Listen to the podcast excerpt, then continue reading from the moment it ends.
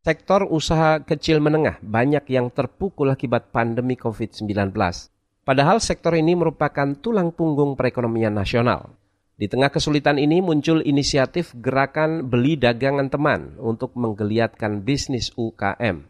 Seperti apa gerakan ini? Berikut laporan tim KBR yang dibacakan Valda Kustarini. Rory Idrus menginisiasi gerakan beli dagangan teman sejak enam bulan lalu. Gerakan ini dilatari kondisi pandemi yang memukul hampir semua usaha kecil menengah. Daya beli anjlok, lengkap dengan pembatasan sosial, membuat bisnis lesu. Rory lantas menciptakan pasar daring lewat grup aplikasi percakapan untuk mempertemukan penjual dan pembeli.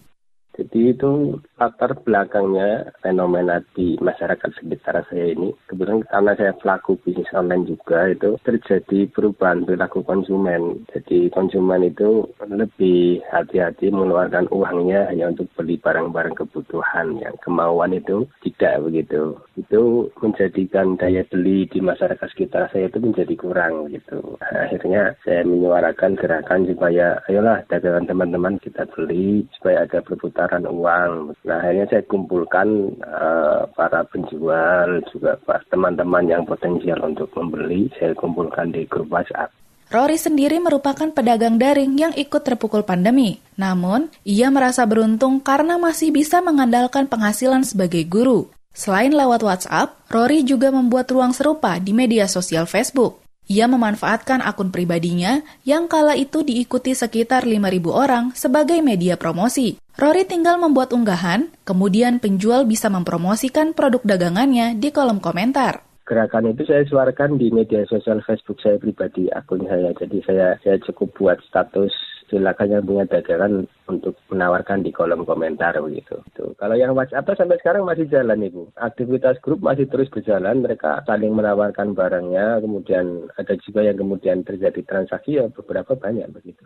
Barang yang dijajakan di dua kanal itu pun beragam, mulai dari makanan, alat pelindung diri, hingga keperluan rumah tangga. Metode promosi cuma-cuma semacam ini terbukti efektif karena banyak transaksi terjadi. Pembeli juga diuntungkan karena bisa menemukan penjual barang yang dekat dengan tempat tinggal.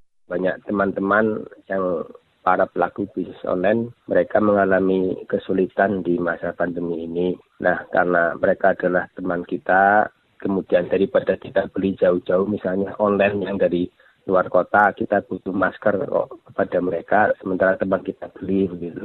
Itu tentu akan membantu teman kita begitu. Dan ya barang lain mas, masker itu. Geliat ekonomi mulai tampak dari gerakan yang dirintis Rory. Jasa antar barang atau kurir pun kena imbas. Pengemudi ojek banyak yang menawarkan layanan antar barang yang dipesan dari grup. Alhasil, jejaring yang awalnya hanya lingkup kecamatan, lambat laun makin meluas sudah banyak ojek online tetapi yang non aplikasi yang lokal bentuknya. Jadi itu satu usaha orang-orang di beda kecamatan saya yang mana dia itu memberikan layanan antar begitu kepada para pelaku usaha untuk jasa antar ke konsumennya gitu. Nah di di desa saya sendiri nih rupanya dari grup itu sudah mulai dibuat jasa pesan antar di di daerah saya begitu dari grup itu awalnya. Makin ramainya ruang jual beli grup WhatsApp membuat Rory menetapkan aturan ketat, yakni penjual hanya boleh melakukan promosi maksimal tiga kali sehari. Sempat tercetus pula ajakan untuk kumpul-kumpul berbagi pengalaman secara langsung bersama member grup itu pengen mengadakan kopi darat untuk saling sharing jualannya begitu. Tapi itu belum saya respon mengingat saya masih ada aktivitas kantor yang lagi lumayan sibuk. Gerakan beli dagangan teman yang digagas Rory mendapat apresiasi ekonom Indef Ahmad Taufik. Namun, Gerakan itu mestinya bisa dimanfaatkan untuk makin mendorong produksi atau menciptakan produk-produk baru, bukan hanya mandek pada kegiatan menjual barang. Nah, saya kira gerakan itu tetap bisa dilakukan, tapi memang bagaimana caranya mendorong agar gerakan pembeli dari teman itu juga didorong untuk berproduksi, bukan sebagai hanya reseller. Nah ini yang menurut saya penting. Jadi kalau misalnya didorong gerakan teman juga memperbaiki kualitas produk-produknya ataupun berkaitan dengan marketnya.